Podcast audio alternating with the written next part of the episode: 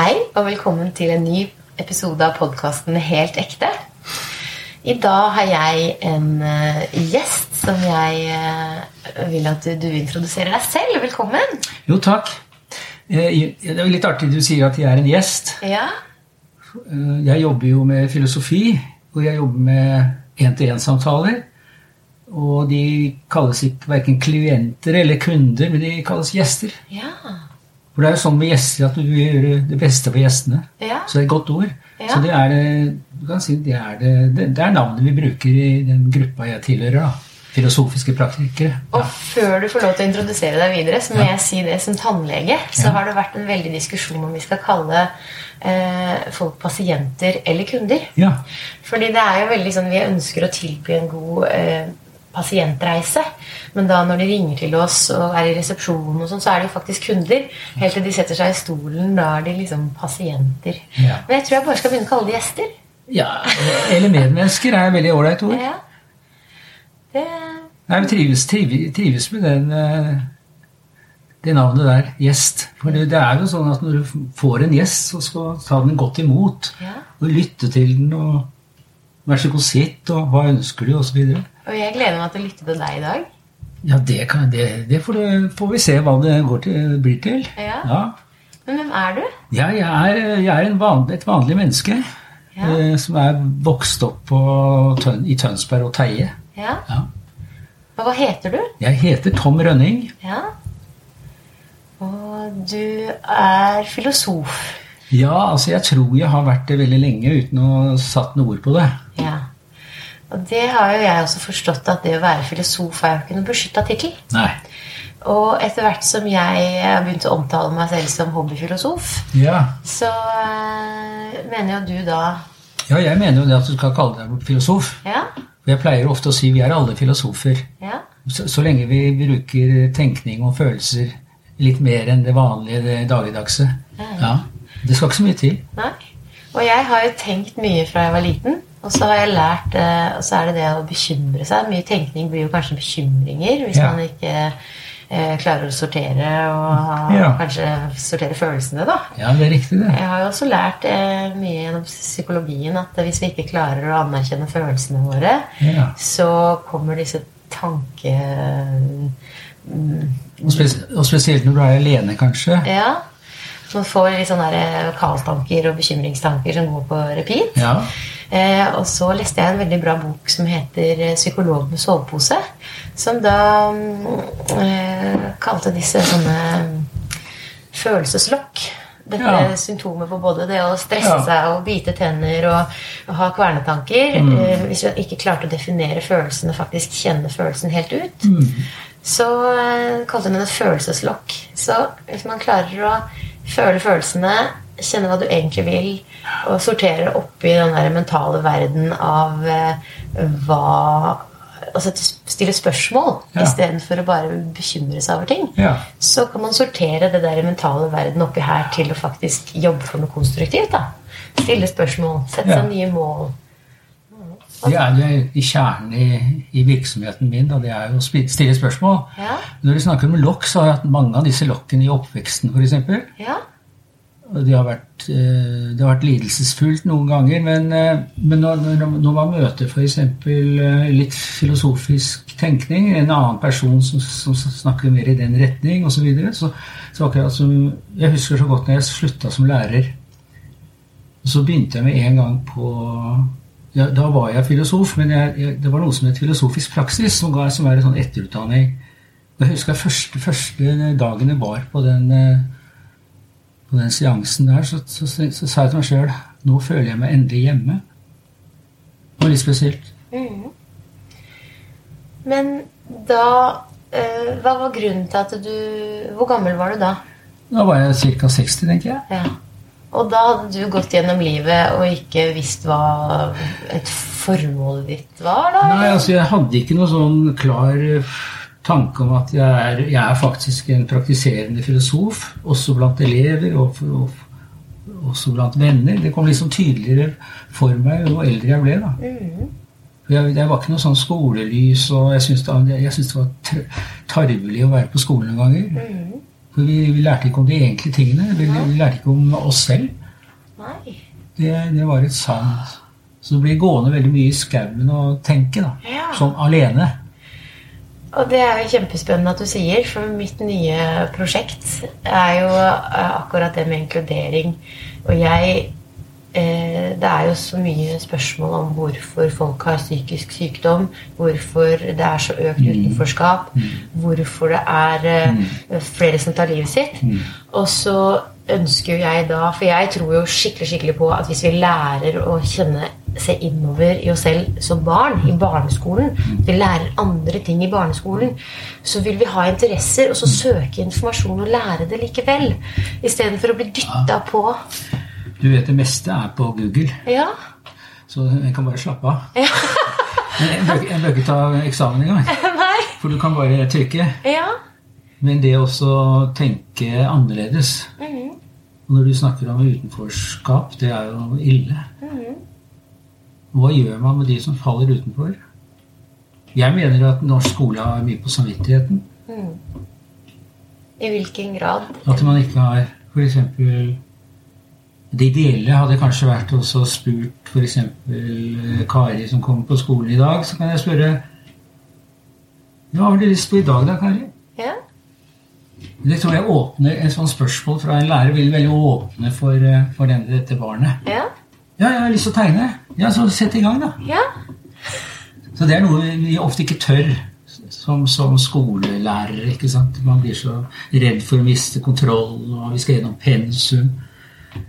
Da kan jeg bare nevne han eh, som du også kjenner veldig godt, han Steinar Kaspari. Ja. Han lot jeg jo tegne i et helt år som 17-åring. Ja. Vi hadde et nasjonalt eh, forsøk, da, Ja. så vi kunne gjøre det. Ja. Og han tegnet og tegnet, og vi klistra på veggene, og det ble så fint alle sammen. Så han tror jeg hadde et kjempebra år. ja.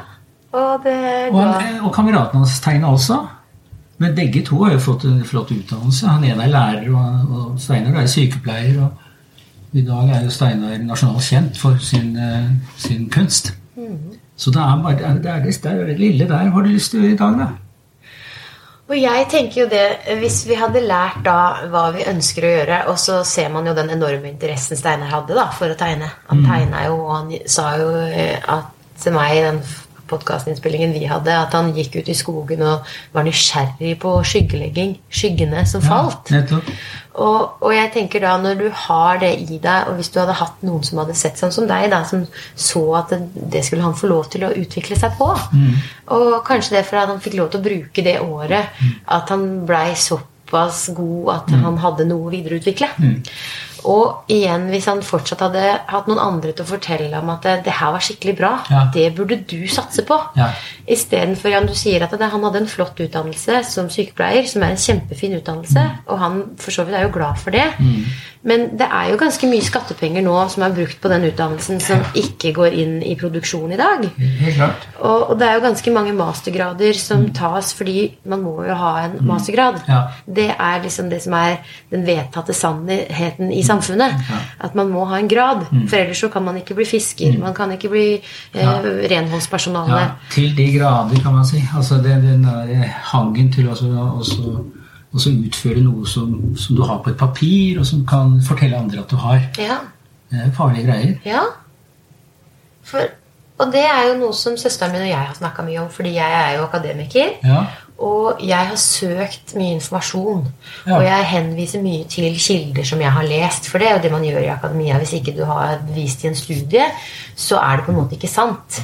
Eh, og etter at jeg da begynte å tenke litt og spørre og eh, komme med meninger og få også litt justeringer i meningene mine, for det er det som skjer mellom mennesker når vi utvikler, utveksler informasjon, Eh, så har hun sagt ja, men hvorfor er det mer sant når du har lest i en bok, eller om du har tenkt det selv? Ja, det er et godt spørsmål. Og det er jo litt sånn filosofimateriale. Ja, fordi at vi har så utrolig stor eh, Dette her med det tekstuelle, altså det å lese masse bøker, skal være et, et pre. Ja. Jeg kan jo bare si for meg selv at jeg leser nesten aldri bøker. Det, er, det var nesten plagsomt for meg å sitte på disse lærerværelsene og så si, og så sier, sier Tom den der boka som har kommet ut nå, den må du lese. Men det er ikke et må her i livet. Nei. Det er hva du vil. Ja. Så du må stryke ut den der må, Ja. og så heller spørre hva er det du vil. Ja. Og det kan man jo gjøre med f.eks. helt fra barnehagen. Ja. Jeg har veldig tro på barnehagen. Ja. For jeg treffer så veldig mange tenkende unge mennesker nå som alle har gått i barnehagen. Og der har de sittet i sirkel og snakket om forskjellige ting. De har snakket om 'når var du sint'? Ja, hvorfor er du sint, da? Er det farlig å være sint, da? Og sånne spørsmål. ja. Så jeg tror at dette med barnehagen det er, eh, det er, det er, det er fantastisk. At alle, alle går i barnehagen. Ja. Og det eh, er jo fordi Og jeg har snakka med barnehagelærere som sier jo også det at barnehagen er jo en nyere institusjon enn skolen. Ja. Og, og det er jo så mye bra i barnehagen, sånn som det der med følelseserkjennelser og ta jeget på alvor og sånn. Og så kommer man inn i skolen når man er seks år, og det var jo egentlig ment å være en videreføring av barnehagen. At leken skulle inn. Og det er veldig mange barnehagelærere som også har blitt eh, lærere i barneskolen, som sier at det har jo ikke blitt sånn. Det har heller blitt sånn, Istedenfor å ta mer lek inn i skolen, så har det blitt den der læringa, og, den, og det er mange som slukner. Og, og øh, det er jo så trist. For jeg tenker, hvorfor kan ikke heller skolen lære mer enn barnehagen? Og det har jo vært noen også som har utvikla Smart-prosjektet. Har du hørt om hva Det det, er? Ja, og det er jo så flott, for Ja. det er jo på en måte videreføring av det de det er lærer i barnehagen. lokalt. Det er lokalt. Ja, ja jeg vet. Jeg har prata med hun som er, er med å starte det. Hun kommer også på podkast hit. Ja, det er veldig fint. Ja. For skolen er jo helt sentralt. For så får man en, en mer nysgjerrig skole. Altså Ja. at eh, folk er nysgjerrige. Alle skal jo gjennom skolen. Ja. Så det er jo genialt å endre skolen hvis man skal endre samfunn. Ikke sant? Ja. Og hvis man tenker at nei, man må bare eh, være gjennom skolen, for Mm. skolen er tross alt kjedelig. Og det er jo ofte sånn at folk finner seg gjerne ikke sjøl før de blir gjerne litt voksne. Eh, ja, men er det, er det greit? Er det ikke greit å kanskje finne ut av hvem man er sjøl før man begynner å være nysgjerrig? for så Det tror jeg du er helt rett i. Ja. Det er du helt rett i. Altså jeg husker jo, jeg husker jo altså Barna er jo så utrolig nysgjerrige. Mhm. Jeg hadde, jeg, Sønnen min, og han var en fire-fem fem, fem år kanskje, så plutselig spurte pappa hvorfor fins det vann. Ja. Ja. Da, ja, hva kunne jeg svare? Det ble jo litt, eh, spørs, det ble jo litt eh, samtale rundt det. Ja. Hvorfor fins det vann? Ja. Og en annen dag så ville han, da han var yngre enn det, så kan vi ikke dra til New York i morgen, da? Ikke sant? For Ja. de har den der tankeflukten som er, som er utrolig interessant, og som er, er verdifull. Ja. Hvis du skal skjerpe nysgjerrigheten din, så må du ha tankeflukt og drømme litt og sveve litt. Og det har jeg fra før jeg begynte min mentale trening da, og min selvutviklingsreise, som jeg kan kalle den, så var jeg litt sånn at jeg klarte ikke å Jeg prøvde å svare, og så så jeg at det jeg svarte, det var veldig kjedelig i forhold til det Jeg mista fort interessen. Ja. Så det jeg lærte nå, har lært nå, da, at istedenfor at jeg skal forklare, så stiller jeg heller mer spørsmål. Ja. Fordi da kan de selv prøve å lete etter svarene. Kanskje jeg ikke kan gi de alle svarene, for det vil de ikke huske uansett. Men hvis de er aktive i den letingen, så vil de kanskje huske en liten del at jeg har pusha de litt Ja. retning av å finne ut. Men det at vi søker svar på noe, er jo i skolen sånne detaljkunnskaper. Ja. Som vi kommer tilbake til. Kan du bare trykke på, så kommer det opp Ja. på Google. Men det som, vi, det som vi virkelig kan prøve å finne svar på, det finner vi aldri svar på. Nei? Det er det som er altså det dypeste spørsmålet. Hvorfor vi, vi, er, hvorfor vi er kommet dit vi er, og hvorfor vi er her. Hva skjer med meg nå snart? Jeg er en gammel mann. Jeg skal jo dø om noen år. ikke sant? Hva skjer da? Kan vi snakke om det? Ja. Og det er, det er liksom det, er hele, det sentrale i hvert fall mitt liv, det er jo samtale om det med noen andre. For da, som du sa i begynnelsen, at det, hvis du går for deg selv og bare får bekymringer, så kan det, det kan bli psykisk lidelse av. Ja. Men det å finne en god venn En god venn er, er, det tror jeg er, er viktigere enn eh, familie. Mm. Å finne en god venn som du kan samtale dypt med Ja. over tid, i, i ro og mak. Ja. Det er gull. ja. Og det Har du en god venn? Vet du hva, Jeg er så heldig å ha en så god venn i mannen min. Ja, men det er jo fabelaktig. Jeg vet det. Jeg er verdens heldigste. Ja, du er det. Det er utrolig bra. Ja, Men det er ikke en selvfølge, fordi vi har jobba for det. Vi har vært nysgjerrige begge to. Ja. du visste han var nysgjerrig før dere bosatte dere sammen. Det vi traff hverandre på, var eh, Vi møttes på internett da jeg bodde i Tsjekkia og han bodde her i Tønsberg. Mm. Og um, vi møttes fordi vann var vår liksom fellesnevner. At jeg ønska å være mer ute i naturen. Ja. Og han uh, var også veldig glad i å trene og løpe og sykle og svømme. Ja. Uh, Og være ute i naturen. Ja. Og han drev med mye noen dykking og surfing. Og jeg har også vært veldig glad i sånne aktiviteter. Jeg har drømt om å gjøre mer sånne ting. Ja. Eh, Så det var vel egentlig derfor vi møttes. hvordan hvordan, hvordan syns du det var? Du hørte om hva han hadde lyst til å gjøre? Eh, jo, det som var litt artig i den når vi skrev mail, vi skrev mail til hverandre Ja. Og det var ikke egentlig noe sånn sjekking eller skal vi møtes eller flørting. Det var mer sånn dagbokform der vi var litt nysgjerrige på hverandre. Ja, Og på interessene? Ja, på interessene. Eh, så, og da syns jeg det var så fint å høre. Og i tillegg til at han fortalte, så spurte han meg tilbake. Ah, Så det at du sier ja, vi var kanskje litt nysgjerrig. Fordi Ja. en, en, hvis man bare er opptatt av å hevde seg selv og vise hvor god man er, så mister man jo litt interessen. Man gjør det. Eh, Man gjør det. Så det at det, det var en sånn fin dialog Det var en dialog, Ja, en samtale. ja. Så, så var det sånn at vi blei ordentlig kjent, og vi fikk fortalt hverandre om uh, familiene våre, om Ja. historien til besteforeldrene mine, som jeg syntes var fint, og hvordan de møtte hverandre, for jeg er interessert i mennesker. Og, Ja, ja. og, og han fortalte Nysgjerrigheten bare blomstrer. Så vi hadde veldig mye gode sånn, Og jeg har faktisk skrevet ut alle e-mailene hvis jeg skrev til hverandre i den perioden. Har en sånn bok. Det kunne være en bok, det. Ja. Som man ga ut. Ja. Og jeg drømmer om å skrive en bok. Ja. Så Men hvordan føler du deg? Hvordan, du er jo sammen med mye ungdom sikkert, og jeg snakker med mye med unge. ja. Det er jo veldig mye fasade nå. Det er om å se vel ut og godt trent og gode karakterer og sånn. Det er akkurat som om de savner noe å, å gå inn i Prøve å gå inn i dette her skallet her. Ja. For de fleste ungdommene har jo noe inni seg som ikke kommer så godt ut. ja. Og der, da er skolen er, er, er faktisk det viktigste, altså, nesten. Det at de åpner for det skallet. ja. Snakker med dem som, som likeverdige mennesker. Og det er jo jeg, jeg var jo overvektig da jeg var yngre. Og da handla det om at for å bli vellykka, så måtte jeg bli tynn. Ja. Og det er jo det du snakker om fasade, det å være- bli tynn. Og det, hvis man tenker på alt man gjør for å bli tynn, eh, da er det som om man skal drive eh, hver dag i virket sitt for å bli kjendis. Eh, men for å bli tynn så eh, driver man jo gjerne med noe man liker å gjøre, og man har forstått kanskje hva kroppen trenger å, ha. Mm. eh, for å bli sunn. Det er sånn jeg har forstått nå. Nå dreier det seg ikke lenger om å være bli tynn. Eh, men jeg har interesser som gjør at kroppen min er sunn og frisk. Og om det er én eller to kilo her eller der, det bryr meg liksom ikke. For det betyr ingenting. Mens eh, likevel så er jeg jo så fornøyd med kroppen min som jeg aldri har vært. Selv om jeg har født to barn, og selv om jeg er 40. Og, Men fordi jeg er avslappa til det, og jeg tenker ikke så mye over det. Nei. Mens jeg har alltid sett på meg selv som for stor, for stor. Og uansett om jeg har blitt tynnere og veid mindre, så er det alltid et eller annet som ikke man er fornøyd med. Ja.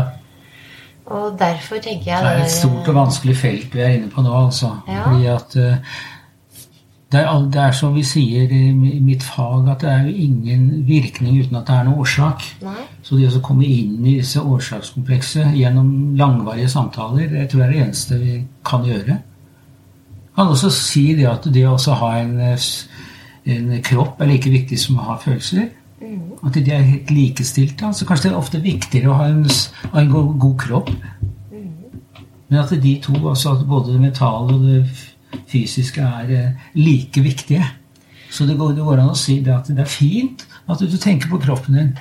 Men så kan man gå under det, og så kan man komme samtalen. Hva er, hva er, hva er det noe du lurer på, f.eks.? Er det noe du lurer på? Er det noe du syns er vondt? Sånn som nå? Eh, Nei, ja, altså. Det kan man tenke, det så, Ja. som, en, som en metode da, Ja. hvis man skal gå disse spiseforstyrrelsene til, til bånns og prøve, prøve å få dem til å tenke annerledes. Ja, og det er jo også eh, fordi alle vet jo at det å overspise eller det å eh, spise masse godteri ikke er bra for kroppen. Ja. Eh, og jeg har jo også tenkt det at hvis man skal gjøre noe med det, så må du gå på følelsene. Da må man se hva er det egentlig eh, som gjør at du har en uvane som du tar inn mer enn kroppen din trenger. Og jeg tror jo, og da når jeg har lest eh, 'Hjernen er stjernen', eh, som handler om hjerneforskning, Ja. og da hormoner som man får både da ved å s- eh, sånn musikk, sånn Mm. dopaminer som produseres, produseres jo også når man spiser. Ja. Og, og for meg og min del så har jeg alltid vært glad i å utføre og mestre. Og jeg da har skjønt at jeg gjør det i stor grad fordi jeg produserer mye dopamin. Og at vi er forskjellige. Ja. Noen mennesker er da mer drevet av å prestere enn andre. Fordi Ja. vi har en tendens til å produsere mer dopamin Ja. enn kanskje andre. Ja. Og da tenker jeg at det er ofte de menneskene som er overvektige. Fordi du har en sånn behov for å produsere mye dopamin. Og det er jo kjempeaktuelt nå, for nå er Ronny, Bred, ja, Ronny på TV Han har lagd en ny serie som heter Eit hardt liv. Som følge av en serie som heter Eit feit liv. Der han prøvde å slanke seg, og så syns han det er dritslitsomt å prøve å holde vekta. Så går han til hjerneforskningen for å prøve å finne ut av hva er årsaken til at han ikke klarer å ta gode valg for seg. ja. Og hva tror du, hva har du erfaring av de som kommer og kanskje har lyst på en livsstilsendring og kommer til deg for hjelp? Ja, altså jeg kan snakke litt mer generelt om det der. For eh, jeg, jeg sa litt om samtalens betydning og samtalens kraft. En kan ikke vente at to 14-årige jenter kommer sammen, og så spør den ene Når følte du deg fri? Det, er et, det er et filosofisk spørsmål. Man kan ikke vente det. Men hvis, man, hvis de hadde i skolen på en eller annen måte hatt ganske mye fokus på det indre liv, og de hadde samtalt mye om de store tingene, hva er frihet f.eks., så hadde de vært i stand til å ha en sånn samtale. Det må læres. Det er det jeg kaller for tenketrening. Det er mye, det er mye sånn eh, fysisk trening for tida, men tenketrening er det for lite av. Men det har jo blitt eh, veldig stort etter hvert nå. Mental trening. Og du har coacher, og du har så mye på Instagram som Ja. promoterer hvor viktig det er. Men det er ikke alle som spør når følte du deg fri. Nei. Og det er et veldig godt spørsmål. Når følte du deg fri? Ja, det er et godt spørsmål. Jeg, jeg føler meg veldig fri når jeg har tid til å tenke litt på meg selv og hvem jeg er. Og hva jeg kanskje skal spørre kameraten min om uh, seinere på dagen. Kanskje jeg ikke skulle ha sagt det jeg gjorde i går. At det blir en slags, en slags selverkjennelse. Er Selverkjennelsen er liksom sånn sokratisk og veldig høytidelig, men eh, det å erkjenne seg selv, bli glad i seg selv, finne ut hvem du er, det kan man gjøre hvis du har en viss eh, bakgrunn, altså. Du må, du må trene på det òg. Du må trene på å stille de gode spørsmålene. Du kan ikke bare buse fram og, og spurte når følte du deg i balanse. Ikke sant? Hva, hva vet du om måtehold? Altså sånne klassiske spørsmål. Kan ikke, kan ikke gå inn i som en klasse på ungdomsskolen som ikke har hørt om det engang på forhånd. Så det må, det må, det må, det må liksom knas litt på forhånd. Og der, der, der mener jeg at det, lærer, lærerhøyskolene gjør, gjør en feil ved å ikke, ikke introdusere disse viktige liv, livsspørsmålene, slik at studentene får trening og blir lærere. da. De lærer, de lærer mye norsk og matematikk og, og litt av hvert, sånne ting, men ikke hvordan eh, kjenne seg selv. Kjenne seg selv. Gå litt dypere inn i det. Være litt ydmyk òg, kanskje. Så det å ha folk som omtrent tenker i samme retning som deg selv, det er gull verdt. Det er ikke alltid man finner det, men der kunne skolen ha gjort mye, og, og, mye ut av dette. Og jeg er jo med i et mentaltreningssenter, så jeg Ja. har trent. Ja. Og det heter Heart Mentality. Og da går man litt inn i seg selv, og så sitter man og har fellestimer. Det er en som leder meditasjon, og så leter man etter det man kan være takknemlig for hvis man virkelig prøver. Og så eh, tenker man også gjennom morgendagen hva, På dette tidspunktet i morgen kveld, hva er det du kommer til å være takknemlig for da? Og da ved å spørre det, så setter du da på en måte et mål for morgendagen om noe som betyr noe for deg. ja. Og det er så fint, for da gjør du bevisste valg ut fra hva som betyr noe for deg. ja. Dette er jo filosofi. Ja! Det er, det er det jeg kaller for dagliglivets filosofi. da. Ja. At man jorder de store spørsmålene. Ja. For, for filosofi det blir så, så høytidsstemt og Ja. farlige greier for noen. Men det, det du nevnte nå, det er akkurat det som er filosofi. Og det som er at vi som driver det treningssenteret eh, Det er jo eh, Anja Hammerseng Edin, hun er håndballspiller. Ja. Og hvis man snakker om det, så er hun bare Nei, hun er jo bare en håndballspiller. Men ja, hun er en pedagog, men hun er også tenkende og har gått inn i seg selv for å finne svarene. Og hun har trent, og hun har søkt mentorer. Og, og, mens hun har ikke en mastergrad i akkurat filosofi eller hva det. det skulle være. Og hun stiller seg spørsmålet Skal du velge å bruke masse tid på å ta, lese enda flere bøker, Mm. ta en ny grad, ta en eksamen, eh, eller kan det hende at du har det inni deg, det som er godt nok til å faktisk gjøre det du vil? Og det var et veldig godt sånn poeng for meg, fordi jeg tenkte at jeg har lyst til å bli sett på som troverdig og komme med mye av disse tankene jeg har. Mm. Men da trenger jeg en eksamen i psykologi. Jeg trenger eh, eh, Jeg trenger mye da for at jeg skal i det hele tatt bli sett på som en troverdig figur i akademisk miljø. Du vet det er mye jåleri, vet du. Ja, det... Det er mye jåleri med alle disse her eh, gradene og alle disse vitnemålene.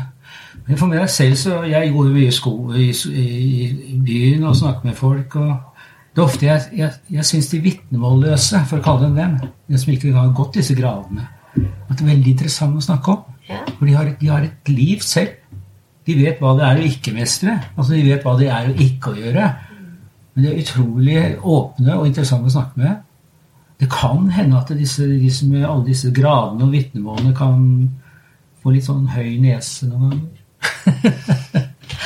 og vet du hva, jeg må innrømme kanskje at jeg har hatt en litt høy nese. Uten at jeg kanskje var Jeg er litt flau for å kanskje innrømme det. Ja, Hvis du for- forstår bildet, da. Ja, at, ja, ja, at man skryter er Ikke skryter, men man blir stolt fordi man har fått de og de vitnemålene. Men jeg kunne kanskje bli litt eh, Jeg tenkte at folk eh, At jeg ble på en måte ekskludert litt eh, av de som var vitnemålløse, da. Fordi at jeg eh, kunne fremstå ja, kanskje som Mm. noe bedre At jeg trodde jeg var bedre enn de fordi jeg var Mm. en, en tannlege og eh, Mm. sånne ting. Og så tenker jeg at eh, ja, men kanskje det var noe i det. Kanskje jeg faktisk var veldig stolt av det. Kanskje jeg bygde veldig mye av min identitet rundt min eh, utdannelse og min jobb og mine idrettsprestasjoner. Kanskje det var akkurat derfor de trodde at det, det var dette her som gjorde meg litt sånn ovenfra og ned. Ja, Eller at du kunne snakke over, litt over tid med Ja. vedkommende som hadde et helt annet syn på deg, som ikke var riktig. da. Ja. Men at dere snakket om det over tid. Det er det jeg kaller samtalens kraft. Ja. Jeg tror det er den eneste metoden vi har som virker ordentlig. Ja. Ja, da kunne du fortelle akkurat det som du fortalte meg der, kunne du fortalt den andre som kanskje så på deg litt annerledes. Litt urettferdig. Ja. Men det eh, Kan si at det var urettferdig, men kanskje det var en sannhet i det. Det Kanskje kan jeg har endra meg litt. Og det er så fint når du sier 'kanskje'. Ja. Det er det fineste ordet jeg vet om. Når folk kommer til meg og sier 'kanskje'. Ja. For det jeg, jeg, er litt sånn eh, Jeg er litt sånn eh, flåsete noen ganger. Så sier at jeg er kommet til verden for å knekke skråsikkerheten. ja. Og det er det som er noe av det Det som er i bunn og grunn det filosofiske, det er også å stille noen spørsmål og ikke være sikker på noe. Nei. Hva er vi, hva er vi, vi kan jo være sikre på at dette bordet her er laget av en snekker, men vi, vi vet jo ikke vi vet søren ikke hvor vi kommer fra engang. Vi har jo ikke fått noe svar på, på eksistensen vår ennå. Hadde, vi, hadde en gjort det, så hadde han vært verdens rikeste mann antagelig, eller kvinne. Kanskje ikke det hadde vært noe å strebe mot heller lenger. Hvis man hadde født, kommet til et, et, en, en, eh, et eh, svar eller en eh, sum eller to streker under svaret. Det finnes ikke to streker under det livsviktige svaret om, om eksistensen vår. Hvor går vi? Hvor var vi? Hvor skal vi? Og jeg, målet litt med denne podkasten er jo å utfordre litt vedtatte sannheter for å stille spørsmål rundt Ja, ja. Fordi det er jo mange som sier at det er så mye feil i samfunnet som vi lever i dag. ja. Og da Hva, hva mener du med vedtatt sannhet? Vedtatt sannhet er som du sier at eh, Vi kan si at dette er et bord. Ja. Men for å si f.eks. at det er viktig at vi lærer matte på skolen. Mm. Det er en vedtatt sannhet. ja, det er en vedtatt sannhet. Ja. I gå- gåseøyne. ja. Ja. Ja. Eh, og derfor tenker jeg at uh, Og så er det, det er også en vedtatt sannhet at eh, eh, man må eh, ha disse skikk- og bruk-reglene for å fungere sosialt. Eh, men er det så ille om vi synger ved bordet? Nei. Og, og det er liksom sånne oppvokste ting som jeg bare har lært at sånn er det bare. Og jeg har ikke stilt spørsmål ved det før jeg begynner å møte andre som også er fine mennesker, som kanskje er oppdratt på en annen måte, og som eh, har det helt fint. Og som er veldig fine mennesker uten å kanskje ha um, tar de samme valgene som meg. Og jeg har blitt litt nysgjerrig også fordi vi hadde med en eh, familie fra Etiopia på vinterferie. Og der er mor uh, sitter da alene med tre barn. Og, og det er litt slitsomt, uh, fordi det er det å tilpasse. Og hun yngste sliter litt med å, uh, litt utagering på skolen. Og hun har prøvd å søke hjelp, men hun får foreldreveiledning. Men hun trenger mer hjelp til denne datteren, som hun syns har utfordringer. Eh, og så ser jo jeg øh, Og hun er så nysgjerrig på å lære, men hun har liksom ikke funnet det rette verktøyet som kan fortelle henne i samfunnet i dag. Da.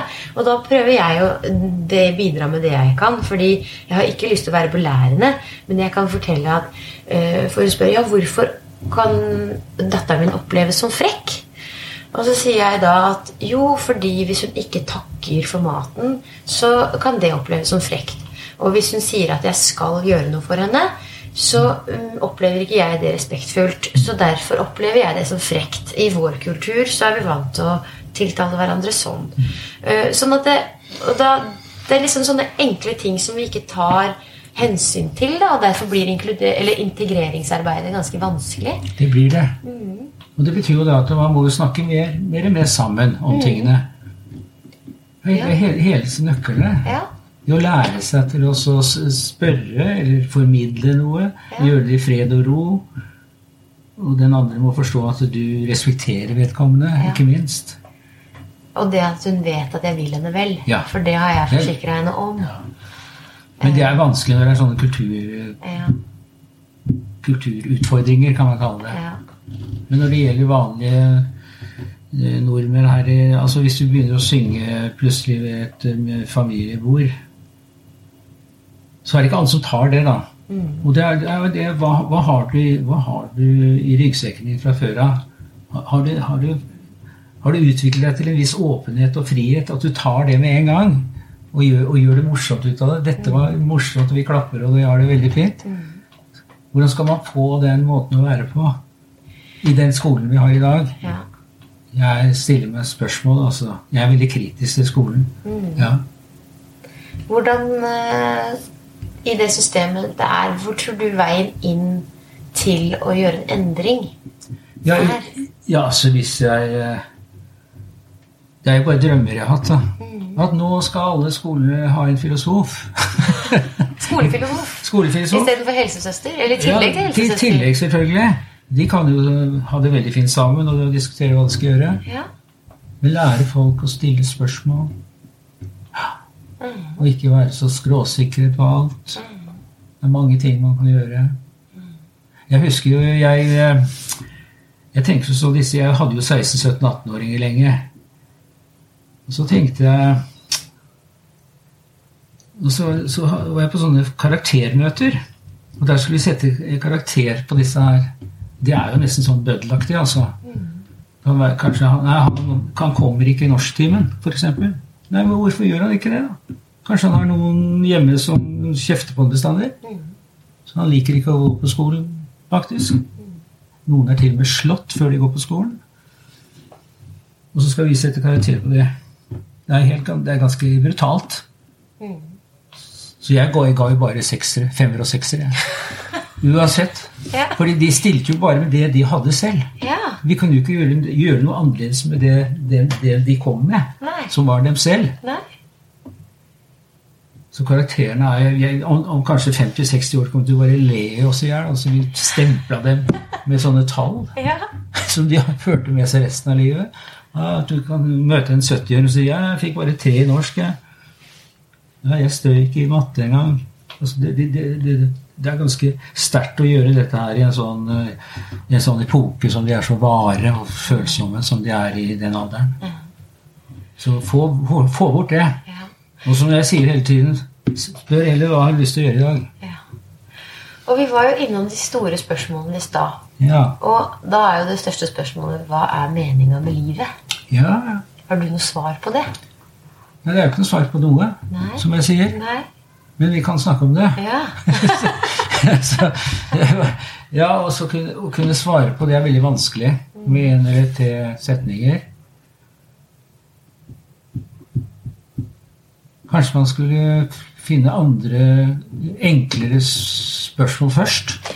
Det er jo uh, Mannen min, da, som vi snakker jo mye om dette her nå, han har jo da hørt en filosof på en av podkastene han hører på, der på en måte oppsummerer meninga med livet med at um, du, vi skal utvikle oss. Og så med at uh, vi skal uh, gjøre noe som er større enn oss selv. Det er én mulig liksom, vinkling. Ja, det er en mulig vinkling. Mm. Hva var det første han sa? At vi utvikler oss. At vi Ja, ja, gjør noe til, som men til hva? Ja, Da, da, nysgjerrige, hvorfor så kan vi ikke, oss, da. kan ikke med en gang gå ned til det der klassiske, vi kaller det greske spørsmål, da? ja. Når følte du deg fri? Når følte du deg rolig? Ja. Når ble du irritert? Og så videre. Og så få fram noen fortellinger fra livet. Mm. Og så kan man eh, drodde rundt det og ha lengre samtaler rundt det. Men det, det å utvikle seg blir jo bare sånn bla, bla, bla. Mm. Vi må være mer presise i spørsmålene. Når følte du at du var i balanse? Å, nei, jeg vet ikke helt, jeg. Jo, forresten, en gang ja, Fortell, da. Fortell. Fortell når du var i balanse. Og så kan man bruke de fortellingene til alle disse ungdommene og barna. ikke sant? Så gå videre på det. For livet er fortellinger. Det er ikke noe annet. Livet er ikke hvor mange bøker du har lest, men det er dine egne fortellinger. Ditt eget liv. Så jeg syns det er greit hvis vi kaller hverandre medfø- nei, medmennesker. Ja. ja. ja. Og det er jo igjen i Heart Mentality, der eh, filosofen, kan vi kalle henne Anja Hammerseng Edin, sier det ehm, Ja, nå var det hun sa. Nå ja, det kan jo ha noe med dette å gjøre. ja. Eh, jo, kraften av historier. Fantastisk. Ja, Hvem var det som sa det? Anja Hammerseng Edin, hun som var i Heart Mentality og så Hils henne fra innover. meg og si at hun er, hun er på rette, rette sporet. Ja, og hun eh, har lært da å formidle historier Ja. sånn at det skal gi kraft i andres liv. Og det er det som har gjort en enorm forskjell for meg. Ja. Til å tro at min historie også kan inspirere Selvfølgelig kan de det. andre. For historiene dine er deg. Ja. Og det er derfor jeg da blitt oppmuntra å tørre å prøve å lage denne podkasten som handler om historie. Det er Ja. din historie der du tilbyr Ja. noe av deg, eh, en del av deg til andre, da. Ja. Hurra for Anja. Ja. Det er veldig bra. Altså. Der har vi, har hatt et sånt eksempel. Har kanskje ikke eh, noe grad i filosofi, men hun praktiserer filosofier. Og gjør, gjør dere nysgjerrige. Vi spilte faktisk håndball sammen da fra vi var syv år. Ja. Eh, og hun var veldig god og ble sett på som et talent. Ja. Men hun led litt under det, for hun skjønte ikke før senere at hun måtte jobbe for det. Mm. Eh, og så ble hun og kom ikke helt veien på landslaget før i voksen alder, når hun fant litt ut om seg selv. da. Men hun blei lærer, hun blei pedagog.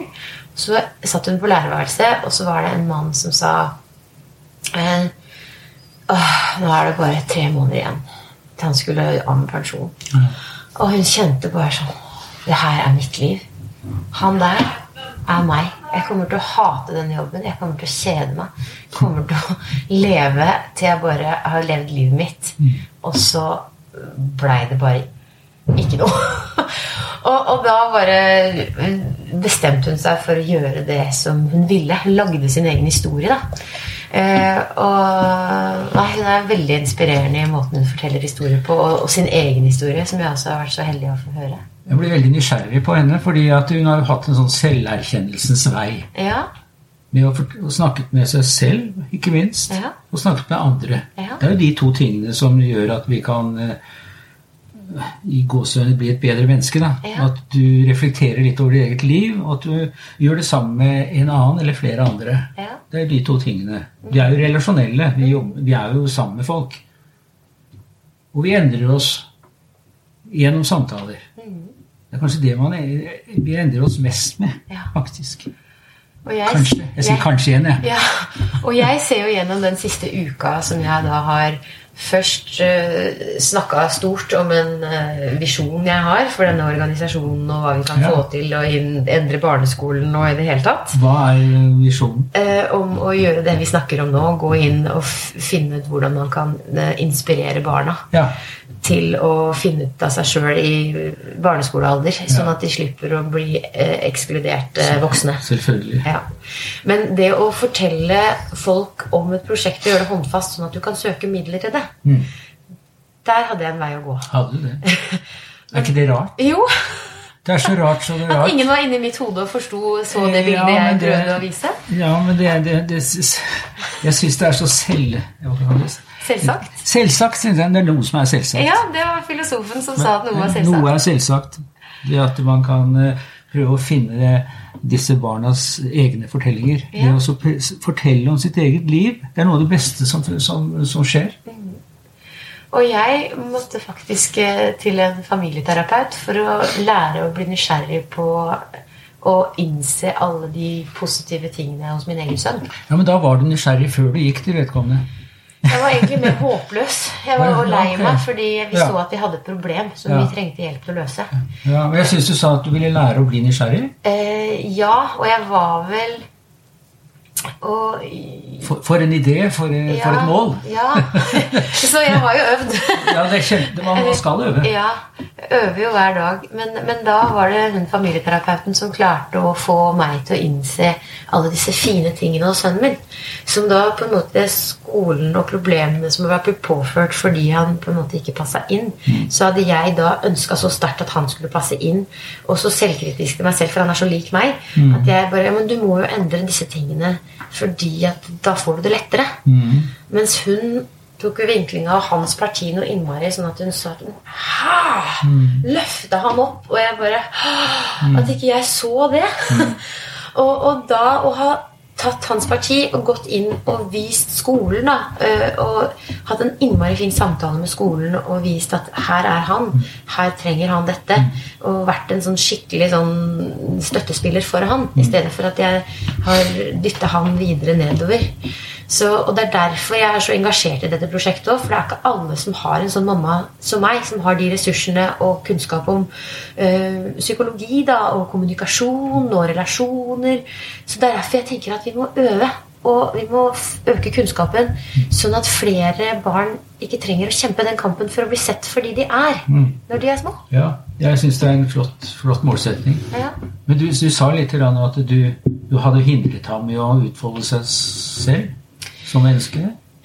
Ja, fordi man skal jo være streng, og så hadde han utagert på en måte som jeg ikke kanskje forsto. Kanskje jeg ikke hadde vært nysgjerrig nok på hvem han var, og hva som var viktig for han. Jeg hadde bare mast om 'nå må du gjøre det', 'nå må du gjøre det', 'nå må du gjøre det'. Det er så mye man må, som du sa i Jeg må få det vekk fra Ja. vokabularet. Ja. Alle ordlister må få Ja. bort 'må'.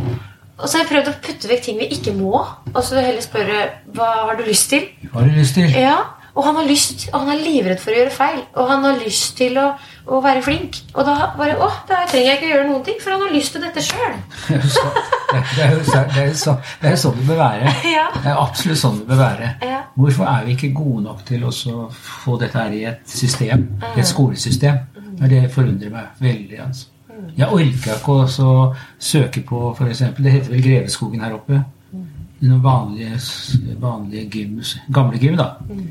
Så jeg gikk inn på uh, Tønsberg uh, Nå står det stille, men det, det var altså yrkesfag. Ja. yrkesfag. Og da hadde jeg eh, små grupper helt ned i fem-seks stykker som hadde valgt det og det. Kanskje de hadde valgt uh, elektro eller et eller annet. Noen, noen hadde valgt eh, bygning, snekker, og bil osv. Små grupper. Og da, da hadde jeg anledning til å komme, komme inn og snakke med dem. Mm. Hvis jeg får 30 stykker som ikke vet hva de skal gjøre, så, så, som ikke er helt sikre på hvor veien går, så syns jeg det var noe håndfast og noe, noe, noe livaktig, noe, noe virkelig noe å jobbe i på yrkesfaglig studieretning. Og jeg hadde muligheten til å snakke med dem fordi de var så få. Så enkelt er det. Og når klassene nå er på 30 stykker, med en lærer og en assistentlærer. Ja. Og så er det hele presset med at de skal gjennom disse offentlige eksamene og alt det greiene der. Jeg var så heldig at jeg kunne lage min egen, egen Jeg var norsklærer og engelsklærer. Jeg kunne lage min egen eksamen. Mm. Da tenkte jeg så skal vi, skal vi lage eksamen, så må vi lage ut fra det de har gjort før. Vi skal ikke komme til eksamen og ikke ha, gjort det, ikke ha sett dette før.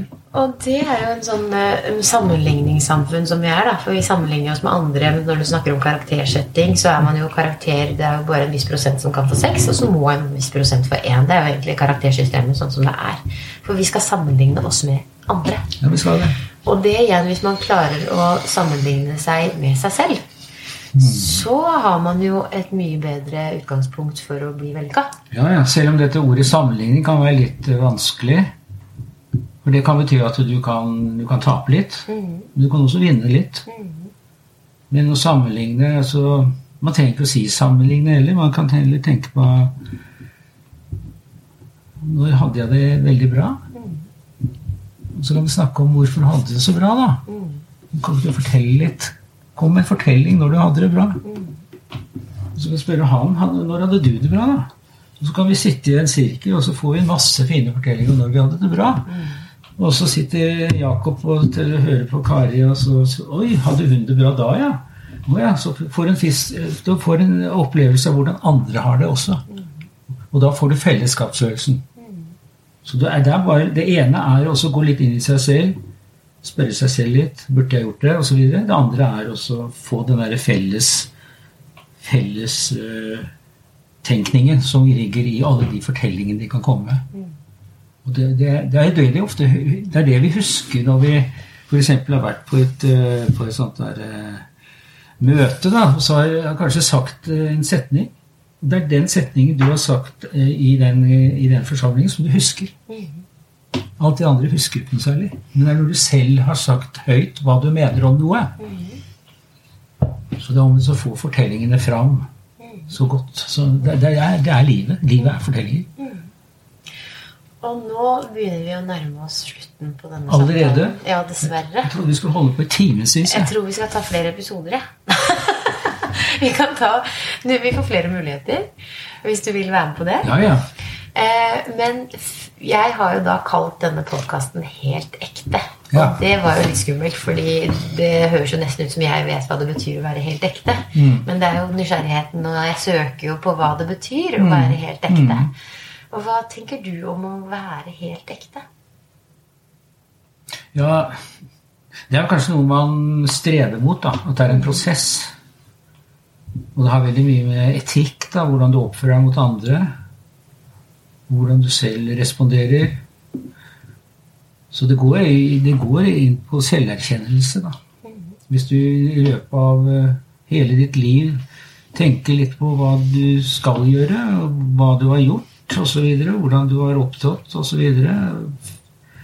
Jeg vil kalle det selverkjennelsens vei ja, istedenfor helt ekte. Helt ekte blir man jo aldri.